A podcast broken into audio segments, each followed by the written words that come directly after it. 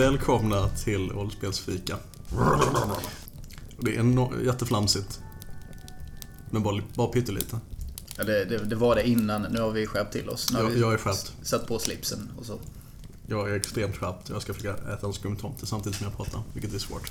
Mm, jag har redan provat det så jag behöver inte det. Okej. Eh, Vi sitter här med eh, lite tända ljus, lite, lite glögg i små söta koppar, Ja. Lite skumtomtar och eh, allmänt eh, trevligt julmys. Säg någonting Peter. Ja, ehm, vi kan väl, eh, vi kan väl säga hur, hur det står till med oss. Hur står det till med dig? Jo då, det är bra. Eh, Det är kallt och grått. Det är liksom vad som passerar för vinter i Skåne. Mm.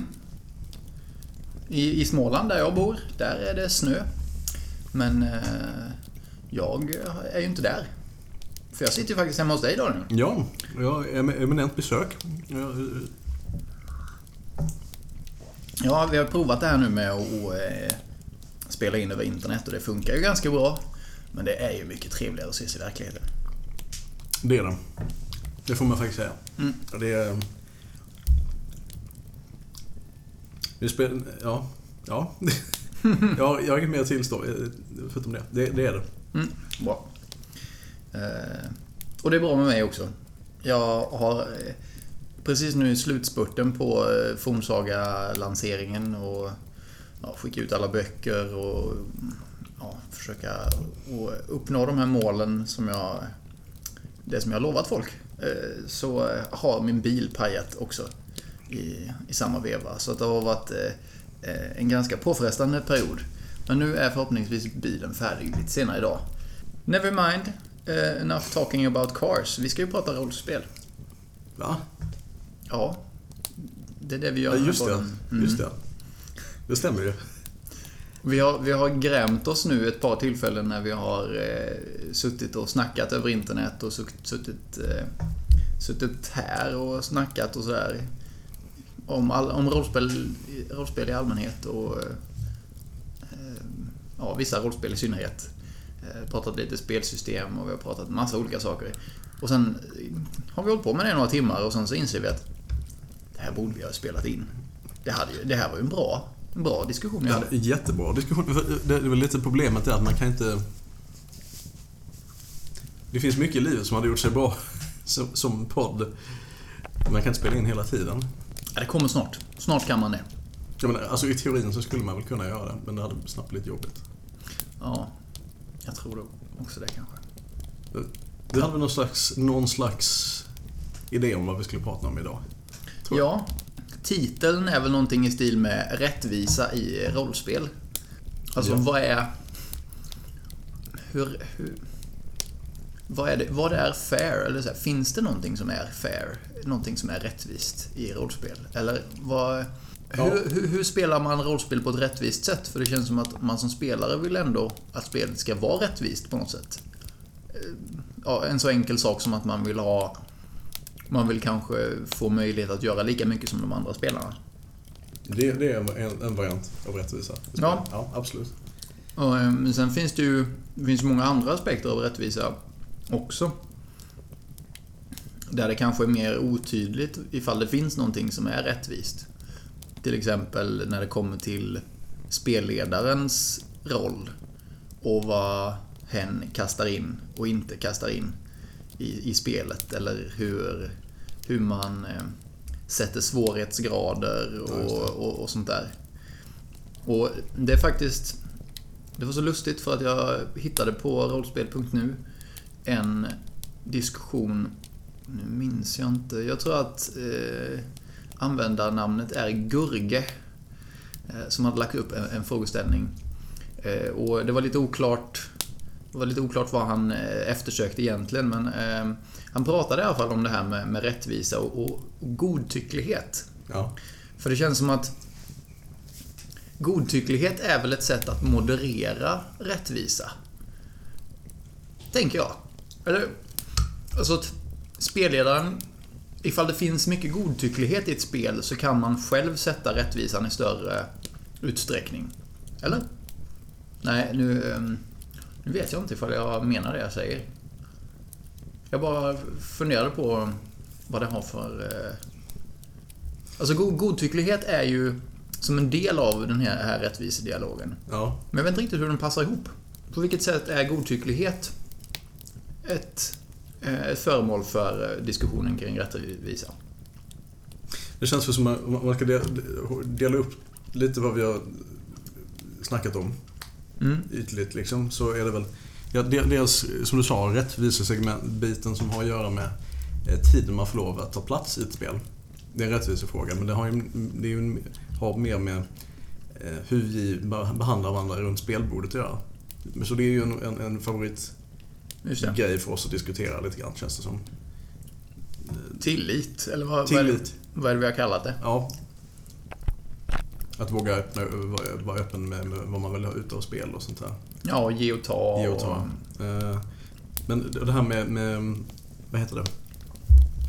Godtycklighet är ju en, en, en, en grej som är spelmekaniskt och spelledare tillhörande grejer också. Det blir ju lite interaktionen mellan spelledaren och spelmekaniken. Tänker jag. Och det, jag vet inte, vad, vad var din position? Att, att det, är, det är bra med... Det ska inte vara godtyckligt. Nej, jag är, jag är nog lite kluven för det beror helt på sammanhanget. Det beror ju också mycket på vad, vad spelarna förväntar sig. För att jag kan tycka att det är svårt som spelledare med ett system som till exempel Don't Rest Your Head som jag tycker är den enklaste formen av, ja, för att illustrera den problematiken. Och det är att varje gång spelarna, eller rollpersonerna då, ska göra någonting som man vill slå tärning för så måste spelledaren sätta en svårighetsgrad på det. Alltså man slår en tärningspool mot en annan och den som får den som får bäst utfall egentligen, flest lyckade slag. Och då tror jag att lyckade tärningar är mellan 1 och 3. Eh, så att, ja, antingen så är tärningen lyckad eller så är den inte lyckad. Eh, och sen då så Två stycken lika stora tärningspooler har samma sannolikhet att lyckas. Så att säga. Så att det blir ju då att man som, som spelledare måste bedöma lite grann att utifrån jag tycker att det är svårt i alla fall att göra den bedömningen vad man ska sätta för svårighetsgrad för att det finns inga riktlinjer kring hur, hur man sätter den här svårighetsgraden. Man vet om att spelarna, eh, eller spel, spel, ah, rollpersonerna har från början mänsklighet, eller mm, vad heter det, disciplin 3. Och det betyder att de, varje gång de försöker göra någonting så får de slå tre tärningar. Ja. Och det, och det är på något sätt utöver den mänskliga kapaciteten ändå, redan från början. För att jag tror att det står i regelboken att eh, vanliga människor, citationstecken, har eh, ett eller två i disciplin. Så att de är ju... Meningen är ju att rollpersonerna ska vara väldigt... eh, Det blir lite bättre. De är lite bättre än genomsnittet, precis. Men det är ju fortfarande det att... Ja, vad, om, om det nu är någon som försöker... Försöker råna dem, eller vad det nu kan vara. Så här, ja, hur många tärningar ska det vara? Eh, eller Om man vill klå upp den här personen som, som rånaren, vad, hur många tärningar slår man då?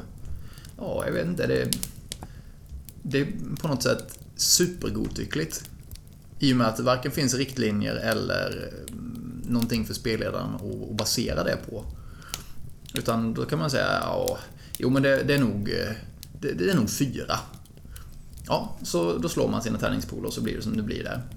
Och sen kommer det då eh, i en senare scen så ska samma rollperson övertala någon. Eh, kanske hota någon så att de gör någonting åt dem. Och då bara, hur ska det vara? Ja, och, så- och klå upp en, en, en rånare, det var tydligen fyra tärningar. Eller så, det gjorde jag, så resonerade jag förut. Hur mycket ska det vara att övertala någon då? Är det lätt eller svårt? Eller, alltså, då blir det liksom hela tiden den här jämförelsen. Som jag avskyr att sitta och behöva göra subjektivt som spelare varje gång. Ja. Och jag tycker väl... Jag har väl inget emot att göra den jämförelsen egentligen. Eh, det får gärna vara... Det får gärna finnas liksom... Eh, jag tycker det känns... Det är, det är viktigt att det finns i spelet, i alla fall kanske eh, som brödtext av någon form. Där det står kanske något tips om hur man genererar såna här grejer on the fly. Hur, hur avgör jag svårighetsgraden? Eh, Hur... eh, Hur avgör jag eh, vilka stats eh, soldat A ska ha Mm. i en konflikt. Eh, men jag vet inte, eftersom det är liksom så situation, situationsbundet på något sätt så det känns ju som det blir... För att det inte ska bli liksom så här... Eh, liksom där det är objektivt svårt för spelarna att ta sig vidare. Så tycker jag det är rätt bra att man kan göra avvägningar liksom, i, eh, under spelets gång. Så att man inte kommer till någon sån här... Också när man känner att det, att det, borde, det borde vara svårare så kan man bara göra det lite svårare. Man eh, ökar... Eh, slänger till med någon extra... Gör en extra svår NPC som de får slåss mot, exempelvis. Mm. Men det här finns ju också i andra eh, rollspel. Där man till exempel som spelledare lägger på tärningsmodifikationer i början, eller så innan de gör sitt slag. Så att man säger att ja, men det här är nog lite lättare än genomsnittet, så då får du en extra tärning på det slaget. Eh, så att det blir lite samma effekt, kan man, kan man ju säga. Att spelledaren bedömer på något sätt subjektivt varje gång de ska göra någonting ifall det här är någonting som är lite svårare eller lite enklare. Och, och, och jag tycker att det är så svårt då som spelledare att inte färgas av sin egen vilja. Eller, jag vet inte, det, för det, det, det här rättvisan kommer in. Att är det rättvist på något sätt mot, jag vet inte vem, vem det egentligen är som det är rättvist mot. Men det kan ju vara antingen att man gör spelet rättvisa, eller att man gör berättelsen rättvisa. Eller att man gör rollspelsaktiviteten rättvisa, eller spelarna. Men det som jag ska komma till är att man... Det känns som att ifall man låter sig själv påverkas av sin egen vilja att jag till exempel vill att de ska, ska klara sig förbi det här, så Ja. gör det lite lättare. Då är det så här, gör jag spelet rättvisa då, eller vad, vad gör jag då? För det är ju på något sätt inte rättvist i och med att det blir att jag lägger in min egen värdering i hur det ska gå. Eller är det rättvist för att de fortfarande slår tärningsslag? Eller är det, det är den, där på något sätt kärnan ligger. Ja, och jag tycker, jag tycker det känns bekant på något sätt för det, det här är, det, här, det för mig luktar, det här luktar nästan lite som moralfilosofi, diskussion om objektiva sanningar. Eh, det vill säga, det förutsätter på något vis att det finns ett regelsystem som är objektivt och att det är en måttstock utifrån vilken arbeta. Utifrån, och det, I min uppfattning så är ett spelsystem är alltid viktat. Jag, jag förstår, jag vet, okej det kanske finns i teorin om möjlig- möjligheten att konstruera ett spelsystem som är helt neutralt. Jag förstår inte riktigt hur det skulle se ut men det kanske går. Om man är mer insatt i regelmekaniker och sånt där än vad jag är. Men eh, liksom... Det är inte så att vi har liksom någon form av helt neutral baseline och bara slår en random number generator för att generera ett resultat. Det är ju massor med saker som påverkar hur vi Alltså situationen. Du har ju det tärningslaget men du har ju massa kring, om, omständigheter kring det här som är färgade av spelskaparen. Eh, Mm. Hur, hur, vad de vill ha, vad det är för typ av ton på spelet. Vad det är för... eh, Vad spelet liksom försöker åstadkomma. Och sådana här saker. Eh, Så jag vet inte... Man kan väl säga att det är rättvist men det beror lite grann på vad man, menar med rättvisa i sammanhanget. Mm. Vad, är det... Är rättvist nödvändigtvis alltid att det är liksom en, helt slumpmässigt eh, fair liksom eh, outcome? Nej, Eller det är det inte. nej? Jag tänker mig att man skulle kunna ha en helt annan inriktning på det hela. Jag har ju läst eh, på den här ehm, bloggen Gaming as Women. Så var det en artikel där de tog upp eh, skillnader i hur pojkar och flickor leker. Och det gick att dra väldigt tydliga paralleller till rollspel där. För då är den teorin så att eh, pojkar har någonting som heter Justice Mediation. Vilket innebär att man, man eh, förlitar sig på ja, rättvisa. Är det ju. Att man eh, till exempel förlitar sig på att eh, man har, ja, man har tydliga regler som, som gäller hela tiden. Man, man slår tärning då till exempel för att lösa någonting. Man, man resonerar väldigt objektivt kring vad som är rätt eller fel. Så när de har en lek, alltså en, en vanlig lek, mamma, pappa, barn till exempel. Och så blir det någon konflikt där man tycker att le leken ska vara på olika sätt eller att berättelsen ska vara på olika sätt. Då går pojkar ofta ur fiktionen för att resonera sig fram till vad som är, eh, vad som är rättvist. Ja.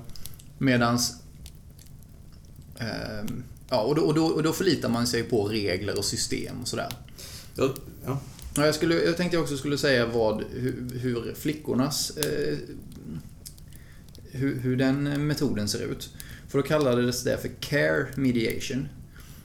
Eh, och det betyder att de fokuserar mycket mer på att... Eh, ja, men att man tar varje situation eh, man, bedöm, ja, man bedömer varje situation utefter omständigheterna för den situationen.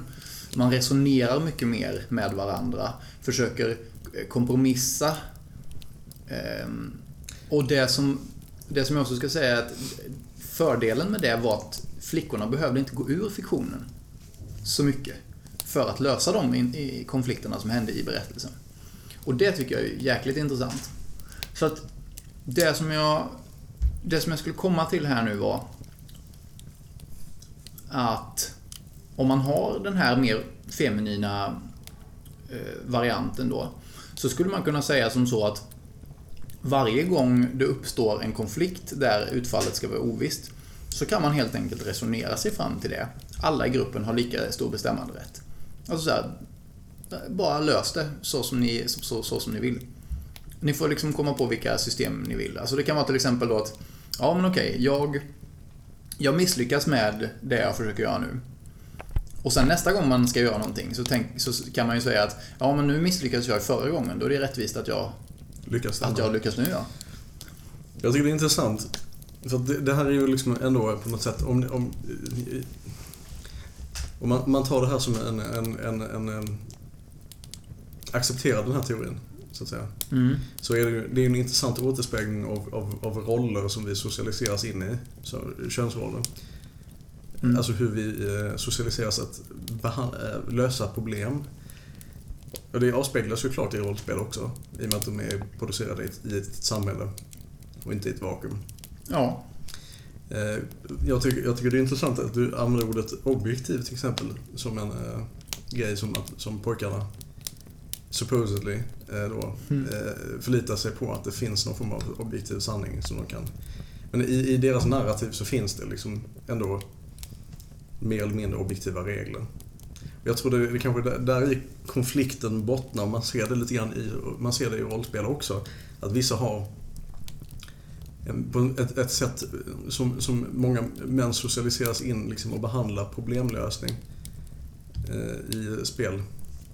Det förs över i spel också. Och, och, och när det uppstår en situation där rättvisan är liksom contested så försöker man då luta sig tillbaka på eh, liksom så här, jätteambitiösa ramverk och sånt här. Regelsystem.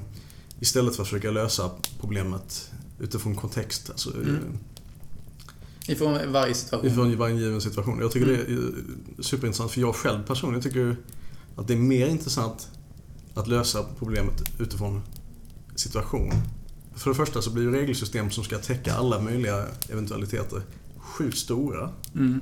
Jag bara känner att det är liksom en... När du ska försöka simulera... Det, jag tycker premissen i sig att det finns en objektiv sanning att försöka simulera eller emulera på det viset i komplexa, jättekomplexa regelsystem är fel. Eh, så jag ser inget behov av överdrivet komplexa regelsystem. Det är liksom, vad va, va, va, vad försöker du appellera till liksom, i det här? Det, det, finns ingen objektiv sanning så vi kan försöka komma överens över någonting istället. För det är ju, menar, hela samhällsstrukturen bygger på att vi har kommit överens över någonting och sen eh, behandlar vi det på grund av maktstruktur och liknande som en objektiv sanning. Men det är det ju inte. Jag tänker mig att det speglar ju ganska bra samhället i stort. För att, vad har vi för regler i vanliga livet? Det är ju lagen. Det är lagen. Ja, och där är det ju hela tiden så. Alltså, man skulle kunna ha ett rättssystem där det sitter då någon som gör en, en eh, subjektiv bedömning varje gång det är någon som ställs inför rätta. Den typen av rättssystem finns kanske, jag vet inte. Jo, visst, det tror jag. Ja, men i alla fall, det skulle vara till exempel då en domare, någon som man litar på. Eller det skulle också kunna vara någon form av de demokrati, att man får rösta. Men det funkar ju inte.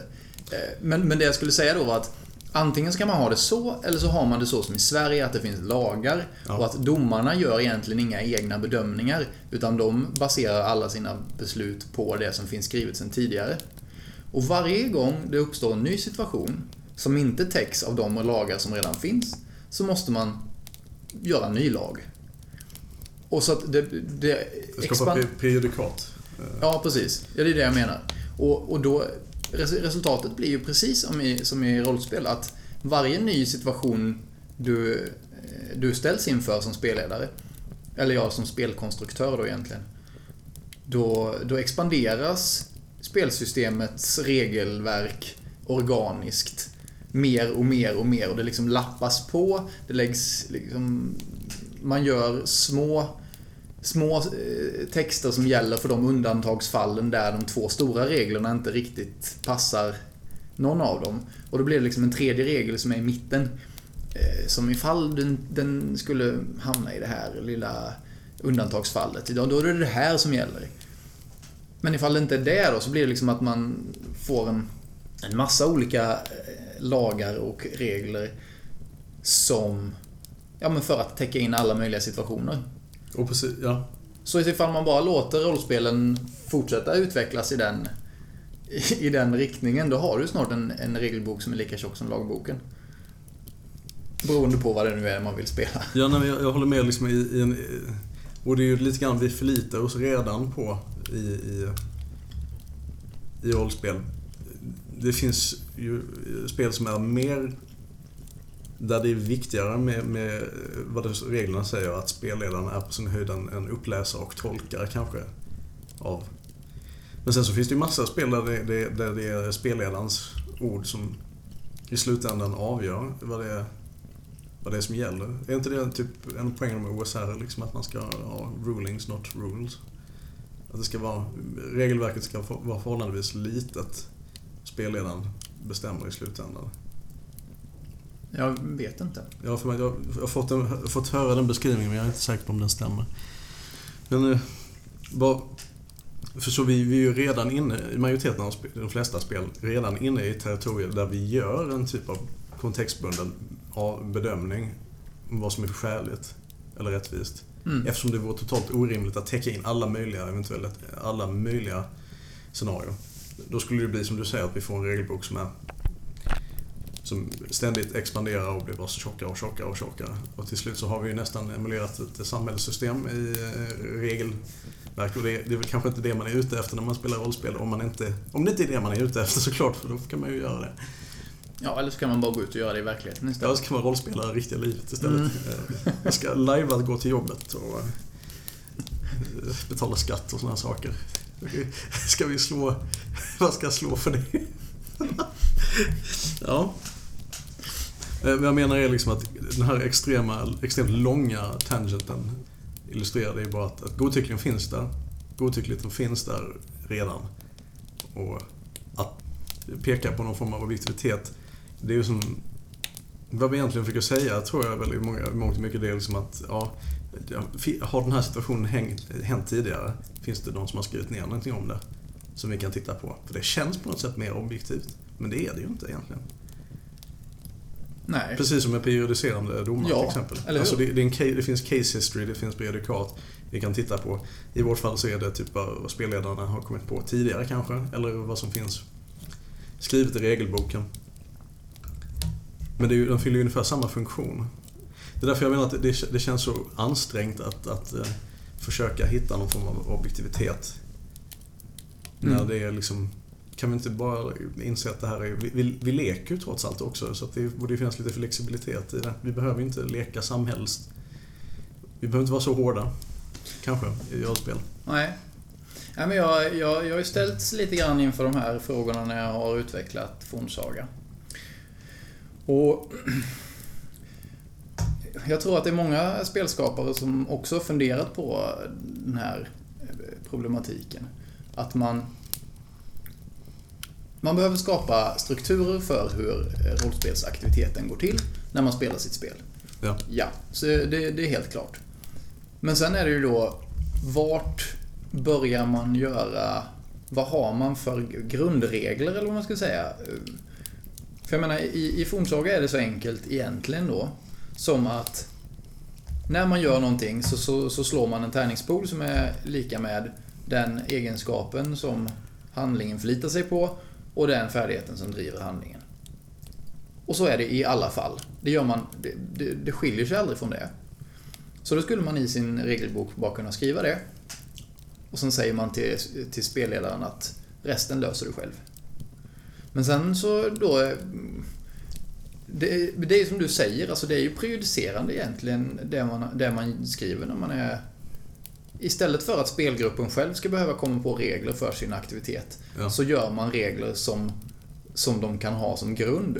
Men det är som du säger att de kommer alltid behöva hitta på egna regler förr eller senare. När det trillar mellan de reglerna som finns. Ja.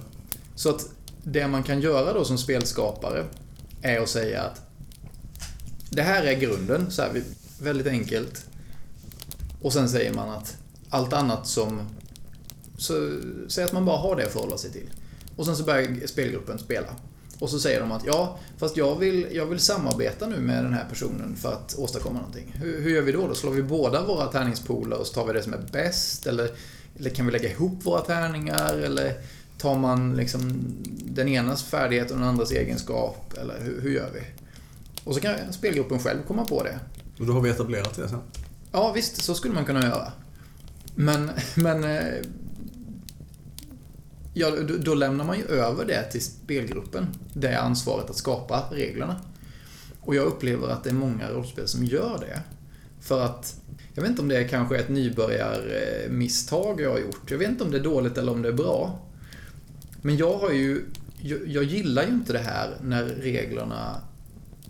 När reglerna är beskrivna så pass grundläggande så att det inte finns beskrivet vad som händer i de här specialfallen. Jag vill ju som, som spelare att det ska finnas strukturer för hur man då samarbetar till exempel. På förhand så att jag, jag ska behöva komma på så lite regler som möjligt när jag är spelledare. Men resultatet blir å andra sidan att regelboken blir väldigt eh, omfattande. När man måste skriva ut alla de här eh, de här, eh, vad ska man säga, inte, inte undantagen, men de här variationerna som man vill ha på grundsystemet. Om man inte har eh, ett spelsystem som är otroligt konsekvent i eh, liksom hur man eh, hanterar alla tärningslag och liknande. Alltså så att det är liksom, du, kan lista, du kan lista ut vad, vad du behöver göra för att få det att fungera i den här, det här specialfallet. Jag, jag, jag är med dig. Alltså att, att det, det, är, det är klart, praktisk synvinkel så är det jättebra att ha ett ramverk att falla tillbaka på. Det säger jag inte emot. Utan jag menar bara på att eh, när det kommer till exempel till att sätta svårighetsgraden Mm. så är ju den, den enda skillnaden mellan liksom att spelledaren gör det on the fly och, eller att han kan titta eller he, hon kan titta, eller hen kan titta eh, i, i regelboken. Det är ju liksom det är ju en fråga om, om, om convenience egentligen. Att det, det är mer praktiskt att kunna titta i boken snabbt och få ett svar. kanske. Än att behöva komma på det fly. Men sen så å andra sidan, så när det väl är gjort så är det ju gjort. Sen, jag upptäckte liksom att efter ett tag så, så gör man ju som, som du säger, man bygger, man bygger sakta ett eget, ett eget ramverk med husregler och Sen är det svårare om det saknas en mekanik för till exempel samarbete, som i ditt exempel. Alltså Ja. djupare spelmekaniska grejer som fattas. Ja, men jag, jag tror också att det handlar om, eller det man, den avvägningen man måste göra är hur, hur ofta kommer det här hända i spel? För är det någonting som kommer uppstå ofta, som till exempel att rollpersonerna vill samarbeta, Ja. då känns det som att det här, det här måste man ju skaffa, en, det här måste det finnas en regel för. Men ifall det är något väldigt speciellt som att Ja, jag, jag har inga bra exempel. Men alltså om det är någonting som är väldigt specifikt och som kanske nästan aldrig någon kommer göra. Eh, då känns det ju som att det, sådana grejer skulle man kunna utelämna. Det är sant. När jag, jag tänker på, när jag tänker på begreppet rättvisa i det här sammanhanget så känns det som... Jag tror det viktigaste kanske i alla fall att oavsett om du hittar på det själv som spelledare eller om du tittar i boken. Om det är boken så borde det vara självklart. Men det viktigaste är att det är konsekvent. Så att du förstår själv. Det är bra om man har alltså en, en mekanism som du liksom i... eh, Säg att du ska skapa en NPC för att slåss med någon. Mm. Eller att du ska lista ut hur de ska göra en grej som ett text av regelboken. Så länge du kan komma, komma ihåg det och lista ut varför du tänkte som du gjorde och fortsätter och göra så, så borde det vara lugnt. För då har vi ju nästan, eh, då är vi ju nästan tillbaka det är ju typ en typ av rättvisa. Mm. Jag, jag tänkte på det du sa med husregler och det där, att, man, att man är konsekvent med det. Jag tror att en annan fördel med att ha med sådana saker, eller att ha med så mycket som möjligt i regelboken, är att spelarna själva, eller spelgruppen, måste inte speltesta sina husregler. Eller de har inte möjlighet att göra det. Nej. Så om det nu är så att man måste husregla, då kanske man kommer på att ja, men vore det inte bra då ifall... Om vi nu ska samarbeta så slår du din tärningspool och sen så dina lyckade tärningar, de får jag sen på mitt tärningslag. Och sen då så, så tänker man ja, vilken bra idé det var. Det blir en kul mekanik. Och sen så fortsätter man spela med det och sen inser man när man kommer till strid eller, eller när man kommer till någon, en annan situation att fan det där är ju helt brutet. Nu kan vi ju helt plötsligt klara alla situationer utan problem. Och så där, vi kan inte ha den regeln. Ja. Så, så det är ju den också att man, man, kan, man kan inte speltesta sina husregler innan man använder dem i spel. Vilket då kan göra att man får en konsekvens av den anledningen. Att Nej, man måste alltså- ändra en regel som man redan har kommit på. Precis, och så blir det kanske groll över att man... Men du sa ju förra gången att det var okej att göra så här. Precis. eh, till spelledaren liksom. Och... Nej, jag... Jag är kluven. Ja, men det, det, jag, jag upplever inte att vi, att vi pratar om det på två olika sätt eller att vi alltså, tycker olika. Eh, Eller, jag, jag upplever själv inte att jag har att jag menar att det är någonting som är det bästa eller någonting som är det sämsta. Jag försöker egentligen bara lyfta upp två sidor av, av samma, eller vrida och vända på Ja. eh, frågan lite. För det var en annan sak jag tänkte på också när vi pratade om, eh, om, om regler i ett system. Vill du ha mer glögg förresten? Ja, det, vi kan ta en liten paus snart. Ja. ja. Förut när du eh, pratade om... eh, Eller när, vi- när vi pratade om regler och hur mycket, mycket regler man har i sitt eh, spelsystem. Så så tänker jag att man kan, man kan se på det så här. Vi har två ytterligheter. Säg då att vi har ett, ett brädspel, till exempel eh, tre rad. Luffarschack. Ja. Ja. Det är superenkla regler. Det finns en förhållningsregel och det är att varje gång får du sätta ut en tills du har slut på dina pluppar. Sen får du flytta på en varje, varje gång det är din tur. Superkonsekvent. Jätteenkelt. Men det är ju inte kul så jävla länge. Hur länge spelar man eh, tre rad innan man tröttnar på det? Kanske en och en halv, en och en halv gång eller något. Ja, ungar har ju en förmåga att tycka att det är mer intressant eh, under en lite längre tid. Men då börjar man istället, alltså när man, när man har ett sånt koncept eh, som, som är så pass enkelt så inser man att folk tröttnar på det ganska snabbt. Och det, jag tror att det är därför som rollspelen också har blivit så komplexa. Och också att många brädspel är skitkomplexa idag. Alltså till exempel eh, Twilight Imperium, bara för att nämna något.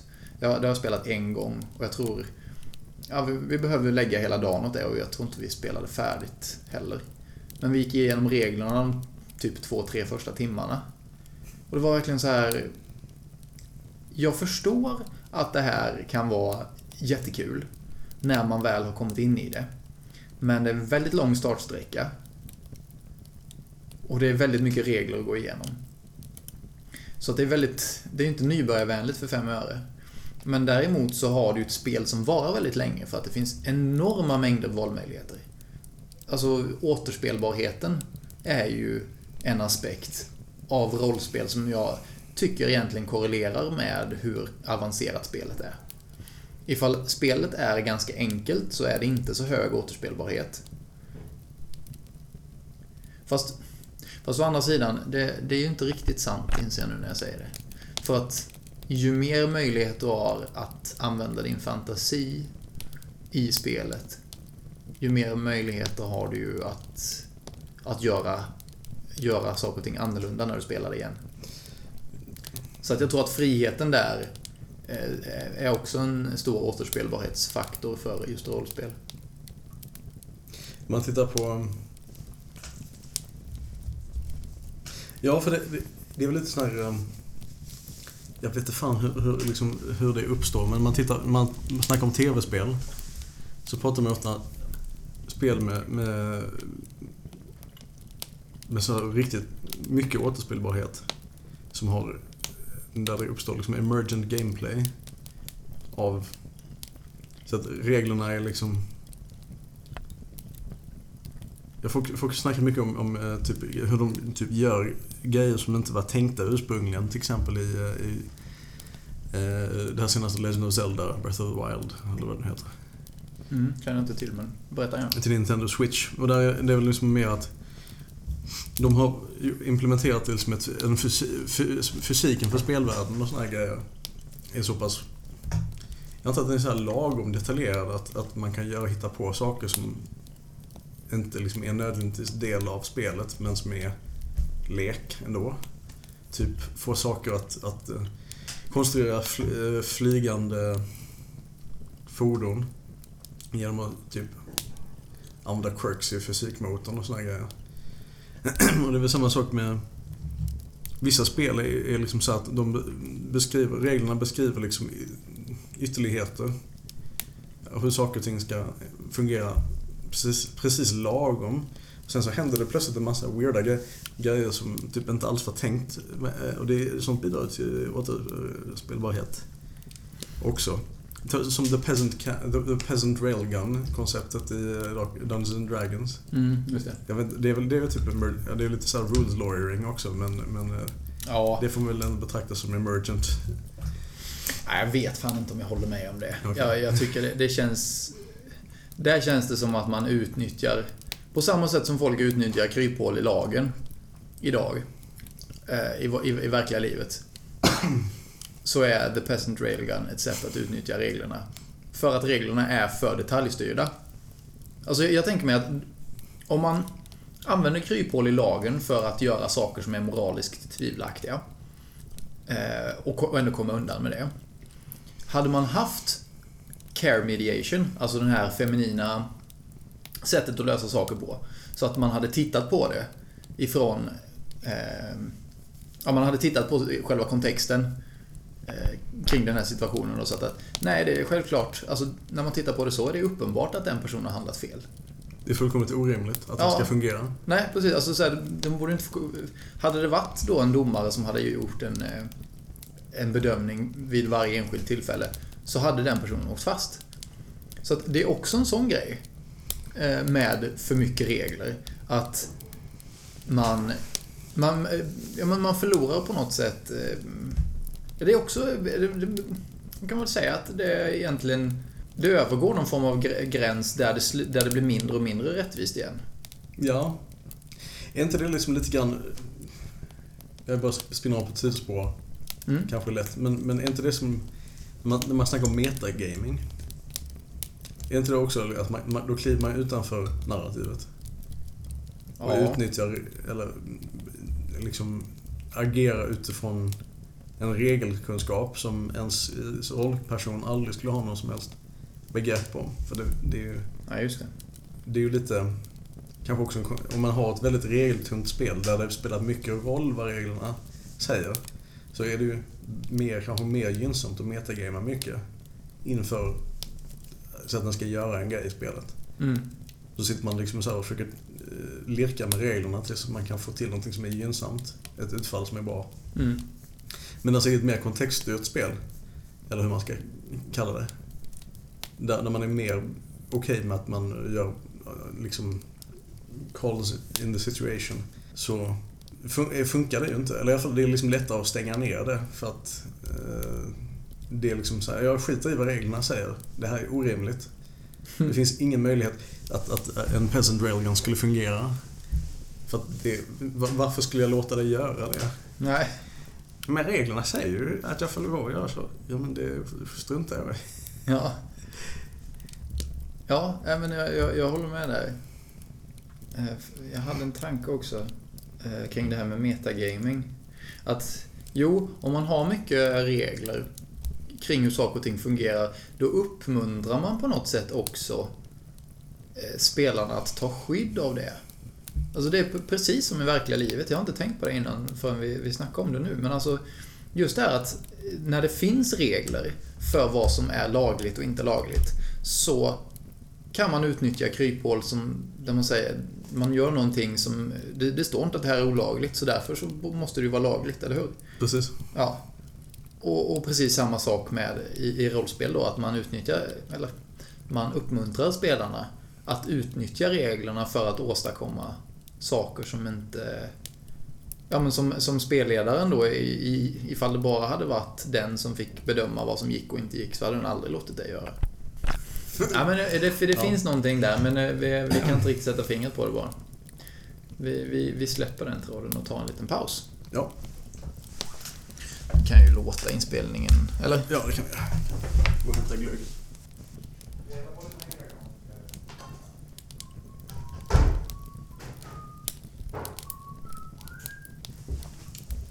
Oj, det var nära ögat. Satan vad varmt det var. Ja, det blev, eh, det blev varmt. Det tyckte jag var bra. Det är så tråkigt med kall. Glühwein. Nej, det är gott med kall glögg också tycker jag. Jag tänkte på en sak. Vi kanske ska palla upp under den här så att vi, vi stöter vid bordet ganska mycket. Ja. Jag vet, i våra första avsnitt så var det ju så in i helvete med slammer och buller. Ifrån bordet. Mick, Micken, tänker du? Om vi, kan, om vi lägger den här under. Kan man lägga en dubbelvikt då? Ja, På det. Så kanske det dämpas lite. Alltså jag tror det är mer att den, den eh, micken är benägen att plocka upp alltså ljud. Som är way... Men, den är så här, den plockar upp allting som man inte vill att den ska plocka upp. Som, som eh, den där åskstormen någon gång när jag satt och spelade. Som jag, jag själv inte hörde, men på inspelningen så hörde man det. Ja, ja, okej. Men det är ju lite, lite bra ljudeffekter också. Var typ så här barn som leker på gården på sommaren. Men för fan. Ja, så får man lite såhär Cornelis Vreeswijk-vibbar istället. Så börjar någon sjunga. Hej känn morsan. Hejsan sabben. Här är brev från älsklingsgrabben. Här är kul på kolonien. Vi mår 28 gangstergrabbar igen. Massa säger kan ni skicka mera pengar för det vore en god gärning. Jag har spelat bort varenda dugg på tärning. Ja, just det. Mig fan. Mig fan. Eh, du, Henrik Dorsin gör ju en sån jäkla rolig. Jag i... i En gaffelkort. ja, i- Heter väl låten, har jag för mig. är det nya Grotesco eller? Nej, det är gamla. Ska vi fortsätta fastän du äter banan? Ja, kan vi göra. Ska vi äta, äta banan tyst? Eh, Ja. Nu kommer solen, solen fram. Ja, det var som fan. Det är första gången på hur länge som helst. Den var framme pyttelite i torsdags. Vad är det för dag idag? Fredag. Går alltså. Tiden går så jäkla långsamt nu. Ja, eh, never mind. Men jag, min, min, jag har då den här, jag tänkte bara sammanfatta. Jag har då en teori som är att ifall regelsystemet är lite mer komplext så finns det en större återspelbarhet. Ja. Också av den anledningen att reglerna skapar situationer som du inte själv, alltså som går utanför din egen fantasi. Det är en väldigt bra poäng. Känner jag. Mm. För det är ju så här, man kan, man kan vara ganska... Man kan vara ganska trött och tråkig ibland. Man bra. spelar samma... Man spelar på likadant som man alltid brukar göra. Mm. Mm. Jo, men jag känner igen mig i det också. Det är väldigt lätt att falla tillbaka i gamla banor. Och spelsystem som hjälper en att porträttera rollpersoner på ett sätt som man inte brukar.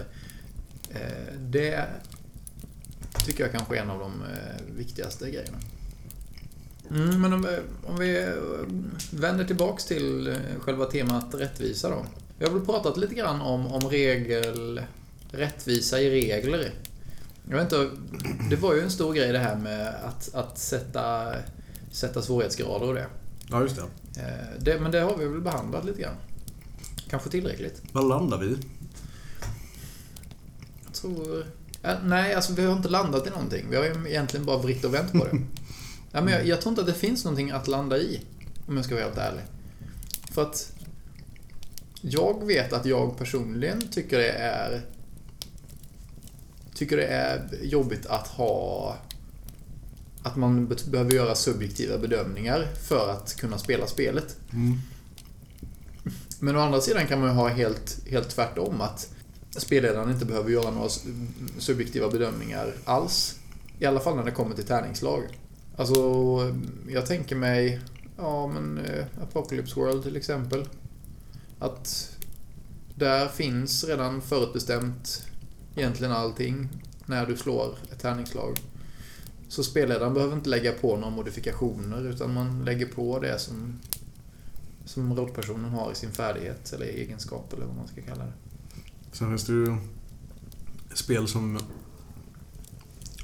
Eftersom jag låter som en, en, en, en, eh, krackelerad platta, eller vad fan säger man? Broken record. Mm.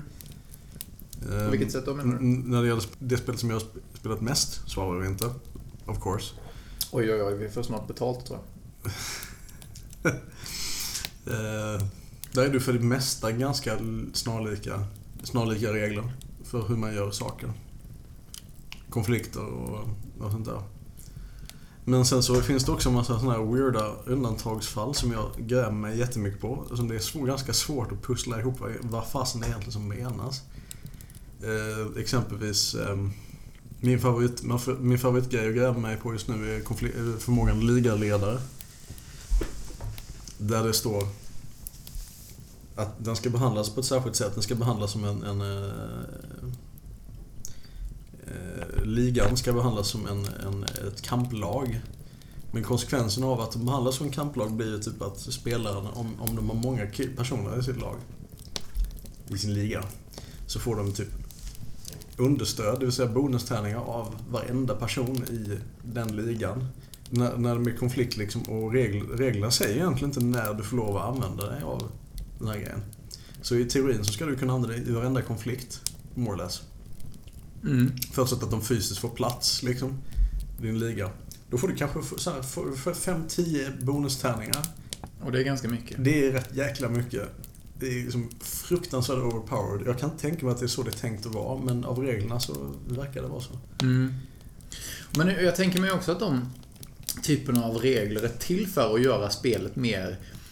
eh, Ja, men mindre... eh, Allting. Alltså, att ge mer fler valmöjligheter. Mer pikant. Ja, men att man inte behöver... Man måste inte alltid göra på samma sätt. Att, oh, vad, att det kittlar att man kan eh, skaffa sig en liga och då, då blir man mer eh, ja, farlig eller... Ja, att det, det, det blir liksom som ett mål Mm. i spelet. Det har jag också tänkt på med, med gamla Drakar och Demoner. Att där fanns det ju ett... Just det här med att man kunde träna sig i olika färdigheter och sånt där. Att det fanns väldigt mycket regler för sånt.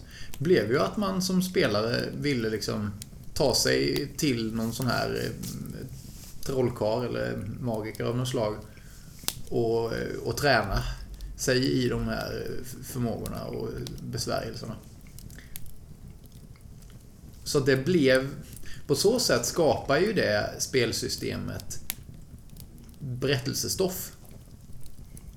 Genom att man sätter upp sådana explicita mål för spelarna. Och jag, jag, kan tycka att det är både positivt och negativt. För att det är bra att...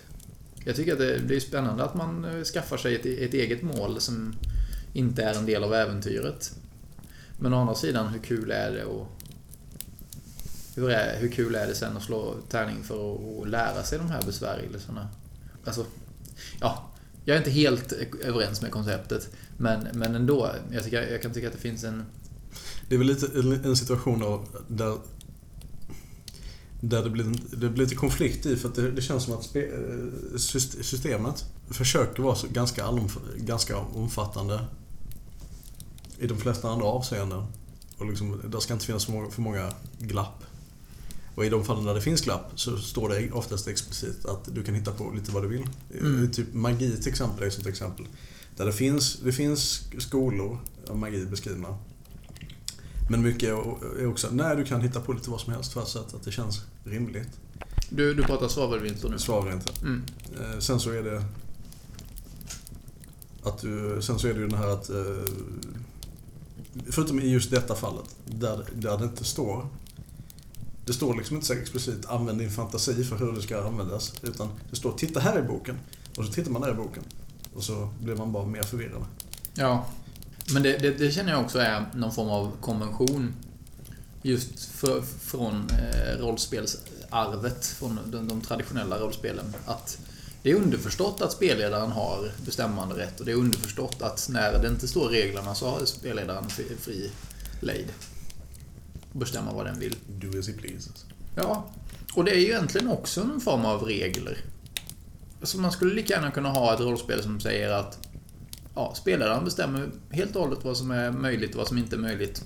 Och ni andra ni berättar vad ni gör och ställer frågor till spelledaren. Ja, varsågod, kör. Gilla läget. Ja, men det var i princip det vi gjorde när vi spelade det friformsäventyret med, med Harriet och farbror eh, Hans-Åke. Ja, just det. Mm. Att... Um, ja, jag hade kontroll över min rollperson och sen när du ville ge mig berättarkontroll, så, eller narrativ kontroll, så ställde du frågor till mig. Och sen ställde jag frågor till dig. Och sen så berättade jag vad jag gjorde och du berättade konsekvenserna. Det som jag skulle vilja poängtera där är ju att det är så... Det är den grunden som många föreställer sig att rollspel har. Och, och, allt det här, allt annat regeltjafs är på något sätt någonting som bygger utanpå det. Som man... Ja, jag vet inte ifall det behövs egentligen. För att det, jag, jag upplever lite grann att många tycker att reglerna kommer i vägen för själva berättelsen och så vidare. Och att det är många som uppskattar friform bara för att, oh vad skönt att slippa allt det. Nu får jag lov att spela så som jag ville. Så att egentligen så skulle man kunna ersätta alla, alla regelsystem med den här spelledarkontrollen. Eller vad ska man säga, spelledar gud, gudskapet. Just det. Och jag tror att många hade faktiskt gillat det mer än att ha sitt regelsystem. Det är så, visst. Jag, jag, jag hör det. Vissa dagar så är det typ det man är sugen på.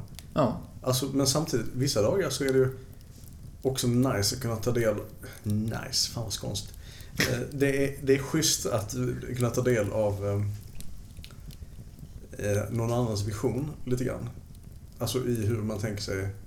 Reglerna förmedlar ju en typ av vision ändå. Det blir ju en del av narrativet när det finns. Ja. Förutsatt, förutsatt att det inte är typ ett regelsystem som GURPS eller någon av de här som är typ gjorda för att kunna tackas på vilken setting som helst i princip. De är ju ganska de tjänar ju liksom, de är mer utilitaristiska. De tjänar ju liksom sin funktion som ett regelsystem bara. De säger kanske inte så mycket om eh, de förmedlar ingen, ingen smak, ingen ton av spelet. Nej, det är väl lite grann som, eh, som Fate, tänker jag. Alltså Fate Core System. Där eh, kan man ju också... Där är man helt fri att lägga upp sina egna skills och man lägger upp sin egen setting och allting. Så att det som det gör är ju att skapa en struktur utöver. I och med att där är det ju inte bara spelledaren som har kontroll. Där finns det lite mer...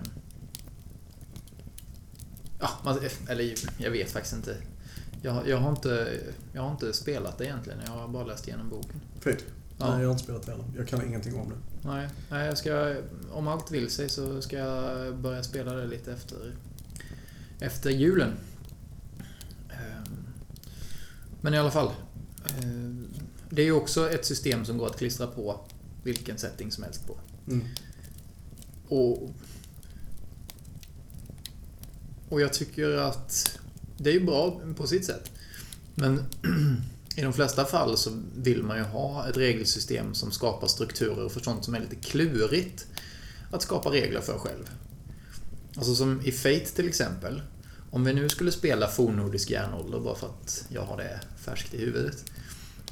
Så tänker man att ja, men jag kanske vill Ja, men jag kanske vill ägna mig åt hantverk eller att, jag, att det här med att överleva är en stor grej.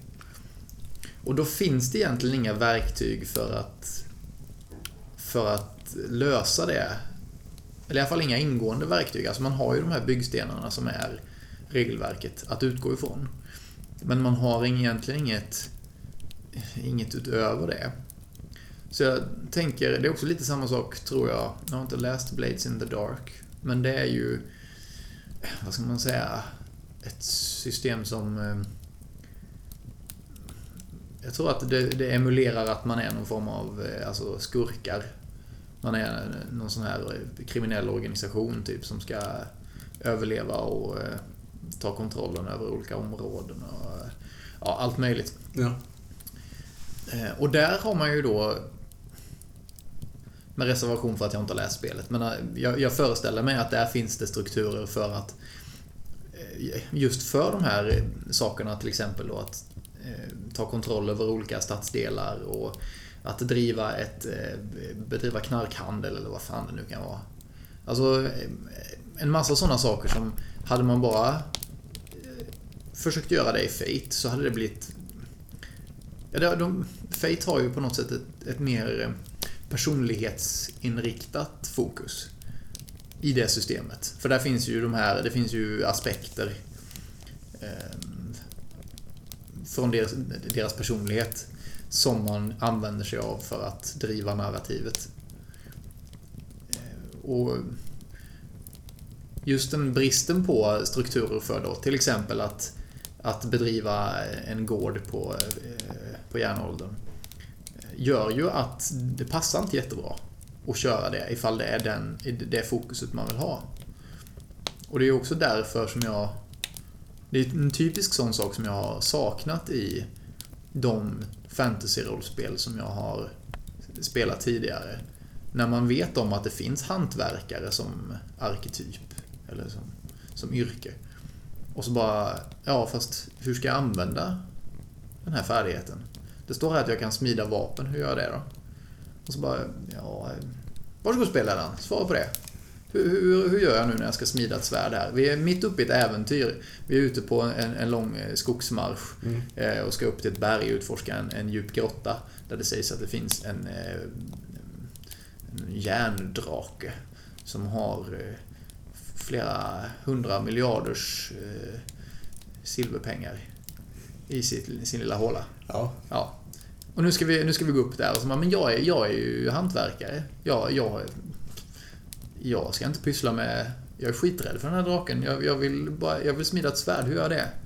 Så jag har, jag har här 14 i, i eh, smideskonst. Ja, du har ingen smedja till här?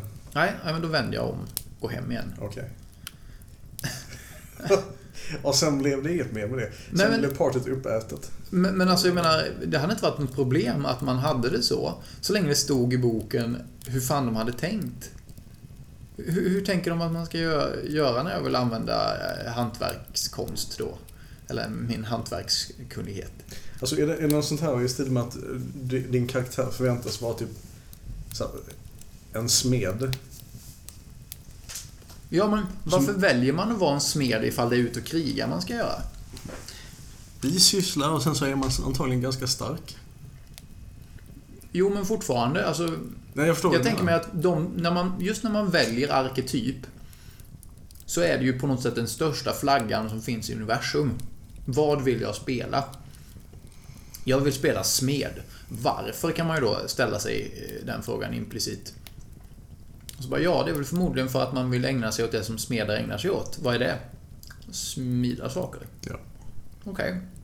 Kommer den personen... Kommer det här äventyret handla om att smida saker? Nej. Nej. Kommer det finnas möjlighet att göra det ändå? Nej. Nej. Det skulle vara när ni passerar en by. Jo, men, men ändå. Då, då blir det liksom den här grejen att ja... Eh, hur lång tid tar det att smida ett svärd då? Ja, det tar uppåt en månad. Ja, då får man ju ta det i sin... Eller, och, och, och sen också, vart, har du järn? Eh, nej. Det kanske jag kan köpa här i byn då. Så har du pengar till det? Ja, det kanske man har. Nej, Antagligen inte, för det var jättedyrt. Jo. Ja, hur som helst. ja, ja. Jag vet inte, jag, jag, tyck, jag tycker att jag har klargjort eh, problematiken här. Jag förstår vad du menar. Ja. Det är helt klart. Nu hoppas vi att lyssnarna också förstår det. Men... Men det är precis den anledningen som jag eh, utformade Fornsaga spelsystem ifrån. För att jag tycker att ska man ha med den typen av färdigheter så ska man banne mig... Eh, det ska vara tydligt hur, det funkar. Men, det, men är inte det lite det som är prylen, det vi försökte komma till på något sätt också? Att liksom när, när spel... Reglerna i, i, i, i Fornsaga till exempel, de, de är med och sätter tonen. Alltså, de, möjliggör för att man ska kunna berätta en viss typ av berättelse. Ja, det är ju viktat på något sätt, så som vi pratade om tidigare, att vad, vad kommer man ägna sig åt under spelets gång? Till exempel, om det kommer vara mycket mysterier och mycket luskande detektivarbete. Kanske inte rätt system. Nej, alltså nu har jag ändå bakat in någon form av generell regel att man kan ställa... Alltså att man kan komma till insikt om saker med hjälp av eh, sin analysförmåga och hur bildad man är och sådär. Så att den aspekten finns fortfarande. Men det är ju inte som i, föreställer jag mig, Cthulhu som är inriktat på investigation. Ja. Där, där det liksom är en grej att misslyckas med sin... eh, Med att eh, ja, men hitta vad det nu är man letar efter. Eller hitta ledtrådar. Utan i fornsaga är det ju ganska mycket så här att finns det en ledtråd så... Ja, det är inte meningen att fornsaga ska handla om mysterier så att... I de flesta fall så kommer man klara sig ganska bra ändå. Man är ju bönder. Alltså många är ju... Man, man Ja. lever ju på en gård. Ja. Ja, Om du, om du, jag, jag bara fick en weird idé. Men Om, du- om jag skulle... Jag är en, en, jag är en dräng, säger vi. Mm. Om jag, jag ska slå för att se hur väl jag går och, och eh, eh, svär åt mina oxar. ja, Som Alfred, drängen Alfred sjunger. ja. Eh, vad, vad ska jag slå för att piska mina oxar? Och, och svära åt dem så att de går och drar. Ingenting. Jag behöver inte slå för det. Nej, du är ju dräng. Du, jag tänker att du kan det. Jag kan det, okej. Det är bra, det är kul. Men det är så här, ja fan han den andra smeden här får ju göra färdighet, får göra färdighetslag med, med sina fancy schmancy slå på metallbitar tills de blir vassa skills. Ja, precis. Jag får inte slå för att uh, vara jätteduktig på att fösa oxar Nej, och få dem men, att bajsa på rätt ställe. eller så här, framställa spannmål. Åh, jag har, jag har skördat och jag har harvat och jag jävlar vad jag har gårdshållt. Men det, precis, där kommer vi också tillbaks till rättvisa.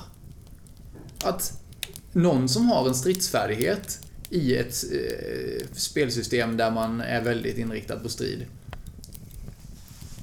Den får ju användning för sina färdigheter hela tiden nästan. Medans då någon som tänker att jag är smedig, jag kan smida saker och tälja jättefina saker i trä. Så kommer inte få användning för sina färdigheter en enda jävla gång under hela eh, äventyret. Det, där är det också någon form av rättvisa. Att, att det ska vara... Alla ska få möjlighet att utföra det som de vill. Eller, ja. Ja. Annars så ska inte de färdigheterna finnas. Nej, och där, i en sån situation så är det väl nästan så att det är nästan lite spelledarens fel. Att det har blivit på det här viset. För att det är så här, om det är det ni vill spela så kan vi kanske inte spela just det här systemet. Då kan vi använda ett annat system istället. Ja, men jag, jag vill hävda att det är inte bara spelledarens fel. Utan det är ofta spelsystemets fel också.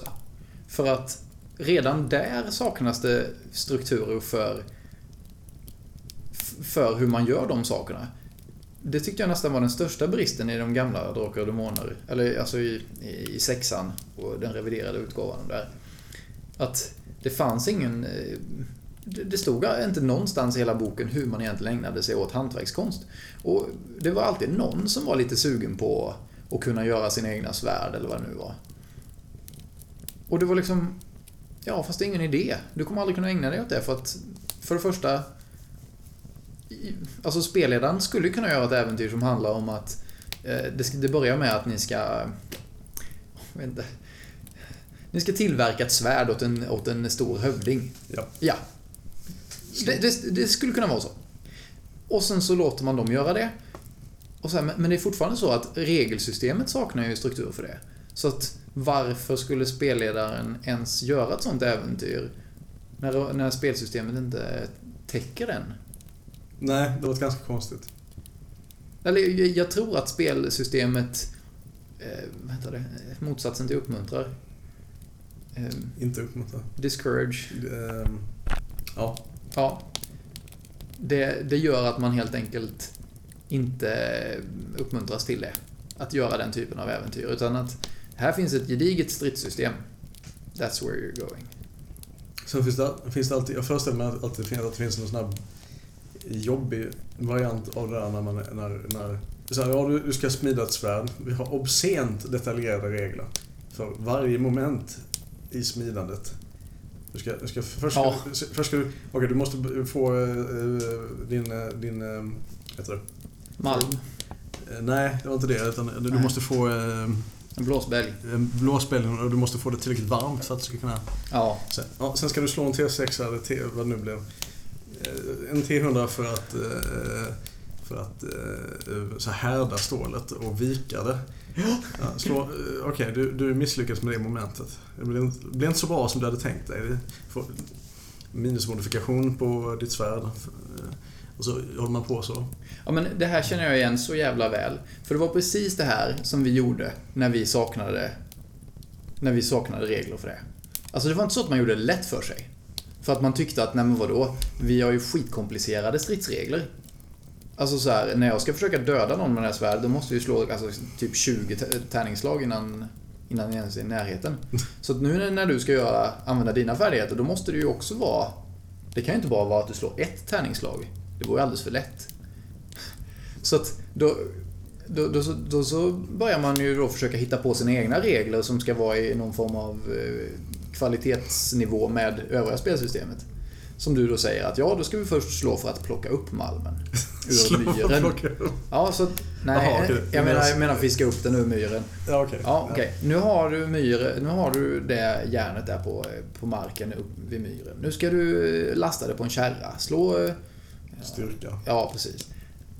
Alltså, nu, nu, nu är du hemma. Så här, du, nu måste du samla på dig 20 lyckade tärningar för att du ska ha, ha gjort ett, ett svärd.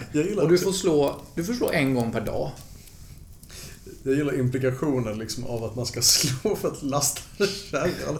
Så Ja, vad händer om du misslyckas då? Tänker, Ja, bara typ slänger upp händerna. Eh, Nope. Nej men alltså, eh, jag, jag tänker mig att det, det är ju ingen som är någorlunda erfaren rollspelare som låter det här hända Nej. ifall man är spelledare. Nej. Men jag tänker att alla de som började spela och som hade som inte hade någon förebild eller någon de kunde fråga hur de skulle lösa de här eh, typen av situationer. De gjorde ju precis så. Jag, jag- minns inte hur liksom löjliga, inom citationstecken, färdighetsslag vi har slagit. Men det är ju säkert jättemånga. För att då, då blir det så här, ja men... Ja, nu... Man, vet, man har liksom det här tärningssystemet, att man vet om att ja, men vill man göra någonting så ska man slå tärning. Ja, okej. Och så bara, ja men då ska vi lasta. Ja, men då använder du din styrka. Då måste du slå tärning. Okej. Och så slår man och så bara, ja, du tappar nog, du misslyckades där så du tappar en sån här järnbit på foten. Eh, slå, slå skada. Och sen så bara, ja du, du bröt benet där ja. Okej, till och sen så sitter man där och så bara, ja då måste du vara sängliggandes i, ska vi se, se i regelboken här. Eh, brutet T6 ben. Ja, precis. Ja, då slår du varje år så slår du en T6 och så läker du så många. Nej, jag vet inte. Dra ifrån med chans för att det inte läker ihop ordentligt. Ja, precis. Du blir, du blir halt där resten av Så livet. jävla... Ja. Ja. Men, men det, är ju- det är ju just det att det finns väldigt detaljerade för vissa... Det, det är just det att det finns väldigt detaljerade regler för vissa saker. Men andra saker finns det inga regler för alls. Och, och det har jag svårt för. Både som spelledare, för att där känns det som att om det inte finns regler så det är på något sätt min skyldighet som spelledare att göra spelsystemet rättvisa. Genom att låta allting vara ungefär lika svårt. Eller jag, jag vet inte, jag tänker mig att det är en sån tanke. Man får välja såna här spel. Liksom ut, lite grann utifrån vad det är för typ av... För det, det känns ju som om, om, du, om du spelar ett spel som handlar om någonting som är helt orelaterat till att smida till exempel eller någonting, så är det kanske... Du spelar ett rollspel som har, har eh, ett, ett otroligt utbroderat regelsystem för att baka till exempel. Du jobbar i ett kök. Och så, ja men jag vill ju vara smed. Ja, men det, okej. Ja, då får vi försöka mishmasha in det på något sätt. Det blir liksom... Det hänger ju lite på det också. Men om spelet inte är designat alldeles för att du ska kunna göra det här. Nej, det är ju en helt, eh, det är helt rimlig, en helt rimlig tanke. Om man tänker sig... Om vi kör... eh, Ska jag komma på något bra exempel? Ja men säg att man... Fan också, jag har inget bra. Ja men som en sån enkel sak då som att vi kör ur varselklotet. Men eh, jag vill ju vara vampyr. Ja. Det blir svårt. Jaha, okej. Men, men det är ju vampyrer på framsidan omslaget. Psst, nu är det alltså inte det. Nej. Men det skulle kunna vara det. Ja, Okej. Ja, nej, då, då får vi försöka hitta på något sätt att du kan vara... Du kan, du kan bli vampyr under spelets gång, men du kan inte börja som vampyr. Men jag har ju valt det som arketyp. Det finns ju arketypen vampyrer. Nej. Okej, fin- Nej, kanske det inte finns. Nej, men det, ja. Men, men, men eh, det jag menar är att om man har ett system som implicerar att man eh, kommer komma i kontakt med vampyrer eller att man kan vara en vampyr och sen visar det sig att det inte finns regler för det. Nej, okej, det köper jag. Absolut. Eh, då, då är det ju inte... Då är det ju spelsystemet det är fel på. Det, det är absolut. Det, det är lite konstigt i så fall också. Och det, den parallellen jag tänker där är ju till exempel då om man vill vara en smed i Drakar och Demoner. Och så finns det inga regler för hur man smider saker. Finns det ingen sån där expert och sånt där? Kanske det finns... Jag är ganska säker. Jag har ju böckerna hemma så att jag, jag hade ju kunnat kolla upp det till, eh, till den här gången om vi hade kommit på att vi skulle prata om det här. Men, men eh, jag har ganska klart för mig att det inte finns regler för det. Alltså inga... mm, Nej, det gör det inte. Ni får förresten gärna höra av er ifall ni inser att vi har fel helt och hållet här. Absolut. Det har varit jättekul att veta ifall det faktiskt finns regler för smideri. Ja, eller ifall ni har någon annan parallell som ni vill eh, som ni vill dra. Till exempel att ja, men precis så som ni sa där så är det i det här spelet också. Eller att precis så där som ni sa, det är det absolut inte i det här spelet. Ni är ju helt, ni är helt galna. Ja, Kan ni skriva på vår Facebook-sida som är då eh, Rollspelsfika eller på Soundcloud. Det går bra vilket som. yes.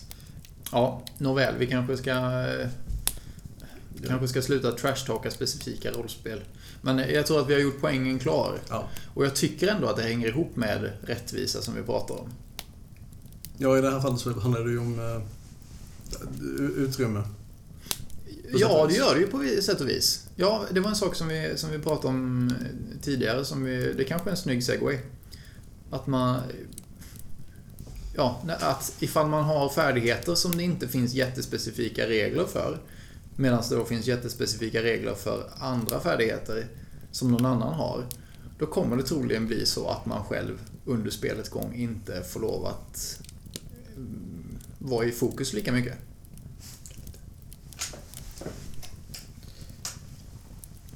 Nej, precis. Det, det, så är det ju. Ehm, Men sen är det ju också spelledarens ansvar att låta alla vara i, i, i fokus lika mycket. Det är det. Ehm, Jag, och det är knixigt. För vissa... Det är så här när man sitter... När man, när man, man kan ha mycket höga, goda ambitioner liksom och mycket... Att man vill att alla ska få lov Alla ska få ta mycket, lika mycket plats. Men ofrånkomligen, nästan alltid i, i, i en spelgrupp så är det någon som pratar mer. Ja, Ja. Eller, eller någon som pratar mindre. Eller ja, någon som pratar mindre. Och då, då är det liksom så här, ja... När man är mitt i in the fray så att säga. Så blir det ju gärna att man... Det, det blir lätt att man, man, är, man är så upptagen med att svara på vad de, de som är mest aktiva, vad de pysslar med. Så att man hinner liksom inte riktigt med och eh, reflektera över vad som händer. Det här tror jag också hör ihop med hur, eh, alltså hur samtalet ser ut, eller hur det är tänkt att se ut i ett visst spelsystem. För att jag vet i, i Apocalypse World till exempel så är det ju ofta att spelledaren ger ordet till någon. Alltså det, det är spelledaren som liksom skickar ut ordet till de olika spelarna i en stridssituation till exempel. Och på, på så sätt är det ju ganska lätt där att moderera vem som kommer till tals. Mm. Men i de här traditionella rollspelen är det väldigt sällan den, det finns en sån, sån struktur. Och där är det ju lite så att de som pratar mest och eh, är mest på hugget, de tar ju mer utrymme i samtalet än vad de andra gör. Och det är ganska svårt att och, eh, liksom försöka få bukt på tror jag. Ja. Det är det. Men å andra sidan kan det mycket väl vara så att det finns de som uppskattar det. Det, finns ju, det kan ju finnas de som inte är så himla intresserade av att ta mycket plats själv. De kan många gånger säkert uppskatta att det är någon som tar mer utrymme. Och, eh, och sådär. Men jag tror det handlar ju mycket om hur öppen stämning man har i sin spelgrupp tror jag. Att eh, man... man- Om man har ett bra samtalsklimat och man vet om att man kan... Man behöver inte vara rädd för att trampa någon på tårna eller sådär, utan man kan säga vad man tycker och så vidare. Någon form av eh, tillit skulle man kunna säga. Just det! Någon sorts le- leitmotiv. Ja, för verkligen. Nej, jag tror, jag tror det, det är jätteintressant för jag har, jag har spelat, i grupp, spelat i grupper där det här liksom, de, de känner ju varandra sedan tidigare, men där, där den här liksom så här frispråkigheten, eh, tryggheten med varandra finns där med en gång. Och det, jag vet inte, det, det, det fortplantar sig på så många härliga sätt i spel. För en av konsekvenserna av det här är att det känns nästan alldeles som jag behöver pusha dem till att göra saker. eh, Som spelledare, utan de, de drar själva i sitt eget lass liksom. Det tycker jag är härligt. Mm. Och då, då är, ä, även fast det, det liksom, folk, folk pratar olika mycket så bidrar de ändå på väldigt olika sätt men eh, ändå. Eh, liksom man vet att, att en, en av de som är lite tysta kommer komma med totalt sjuka förslag. Ibland. Sådana som är helt amazing. Ja, det kan också vara... Jag har ju lite erfarenheter från eh, när jag har spelat där, där man själv på något sätt uppskattar mer vissa spelares bidrag till berättelsen än vad man uppskattar andras. Alltså det kan vara att det är någon person som man vet att den kommer alltid komma med någonting som är ganska göttigt. Oavsett vad det är. För att man gillar den personen och hur den spelar rollspel. Och då kanske det blir att man ofta vänder sig till den för att den, och låter den prata först. Eller så kan det vara tvärtom, att man inte gillar riktigt någons bidrag. Att man tänker att, ah, fan, frågar jag den så kommer det bli någonting jävligt konstigt. Eller att ah, det kommer bli helt fel fokus. Just nu vill jag ha fokus på, på känslorna som finns inom rollpersonerna. Och om jag frågar den personen nu så kommer det direkt liksom riktas om till att bli någonting praktiskt. Det är sjukt, sjukt perverst. Ja, jo, det, det skulle det också kunna bli. Men, men jag tänker att det blir... Just nu så vill jag fånga den här den här liksom upprymdheten eller den här fan att de inte vet vad, de, vad som händer eller att man vill liksom götta sig lite i stunderna. Att man inte... Eller att man... Eh, man vill götta sig med eh, de känslorna som det eh, lyfter upp. Men det är bara vissa spelare har lättare för att prata om den typen av saker medan vissa har svårare för det. Och det tycker jag, det är svårt att hantera. För då blir det ju på något sätt att man aktivt snedfördelar rättvis eller att man snedfördelar talutrymmet. Ja. Utefter sin egen preferens. Och det är ju inte rättvist egentligen. Nej, och det är jättesvårt att komma runt. Föreställer jag mig för att, alltså... Allokera, jag vet inte, man kan inte allokera liksom en fast mängd tid till någon. Nej. För det skulle bli otroligt, man kan ju, men det skulle kännas otroligt stolpigt. Ja, nej det är ju nästan omöjligt.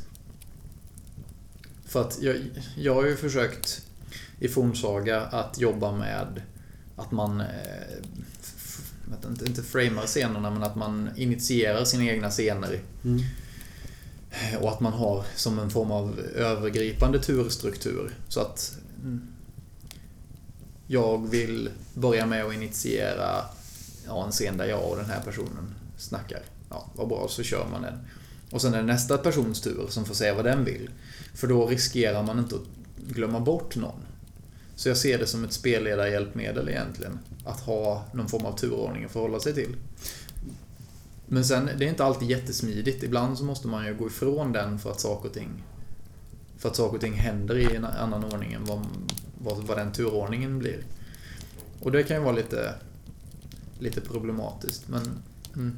Är det, är det, um, jag bara kommer att tänka på en, en extrem, extrem variant. Nu kommer jag inte ihåg fiasko så himla bra, men är inte det lite så att varje person har sin egen, initierar sin egen scen och det är liksom så spelet fortgår. Att man har varsin Ja, det är, det är väl, vad kan man säga, främst en, eh, en följd av att det är spelledarlöst. Mm. Jag tänker där kan det ju bli sådär eftersom det är, ändå strukturen är att man ska turas om. Mm. När det då kommer till en person som eh, kanske inte är så supertaggad på att de är mest... Det finns ju folk som gärna spelar, alltså är med på ett hörn liksom, men inte mm. deltar så mycket. Ja. I ett sånt spel så märks det ju fruktansvärt mycket. Att de är inte kanske helt närvarande i spelet utan det blir mer social, det sociala som är viktigt. Ja, det är jättesvårt att, att veta det. Alltså man, eller egentligen, man kan inte veta ifall folk gillar att vara i bakgrunden eller ifall det är bara någonting som blir. Och oftast är det så att de själva inte heller vet. Alltså i början när man är ny så vill, då tar man ju inte plats för att man inte riktigt vet hur saker och ting fungerar. Eh, men sen så blir det ju att man... Ja, allt eftersom man känner sig mer trygg med situationen så tar man mer plats.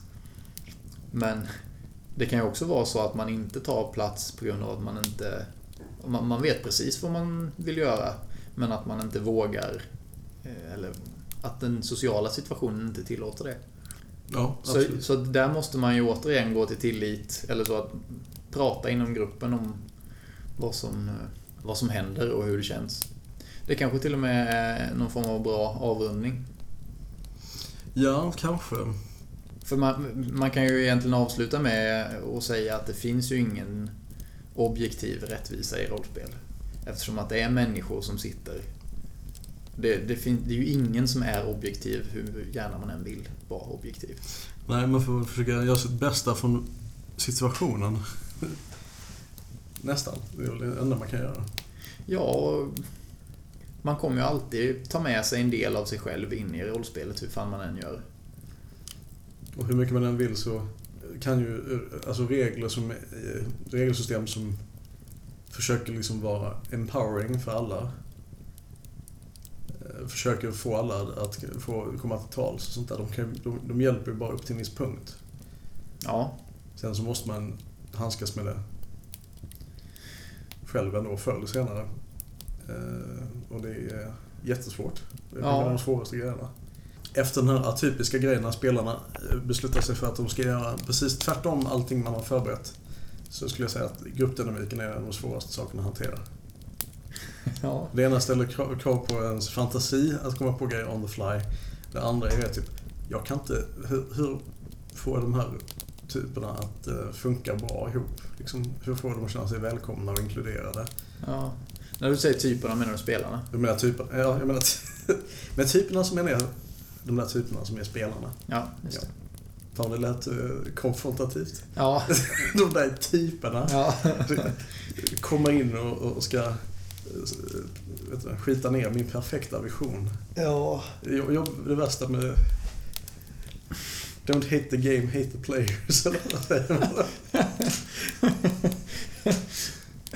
Nej, jag vet inte. Jag tycker vi har, vi har argumenterat lite för det motsatta nu. ja, jag, får... Jag, jag skojar. Jag, Ja. Jag tror, jag tror man fattar det. Eller jag vet inte hur ironi, hur, hur väl det funkar. I värsta fall så klipper jag bara bort det. Ja. Och ifall det låter okej så kommer ni höra att jag har diskuterat om att klippa bort det. That's right. Inception. Inception. Eller nej, inte egentligen. Nej. Nej, men ehm, Jaha. då, då tackar vi för den här gången. Ja, ja, ja. Jag vill bara passa på och eh, bara ta jättemycket plats här. Eh, Och eh, önska alla en riktigt, riktigt god jul eller gott nytt år. Just det, när vi sänder det här. Vi sänder väl det här efter nyår? Det är möjligt att när ni hör detta så är det ett nytt år. Och i så fall gott nytt år också. Ja, god fortsättning. Och god fortsättning. Fan, det här spoilar för mig nu alltså. Att säga god fortsättning innan det var nyår. Ja. Tack för att ni har lyssnat i alla fall. Vi syns igen, eller hörs rättare sagt, nästa gång. Det gör vi. Ha det så bra. Hej. Hej.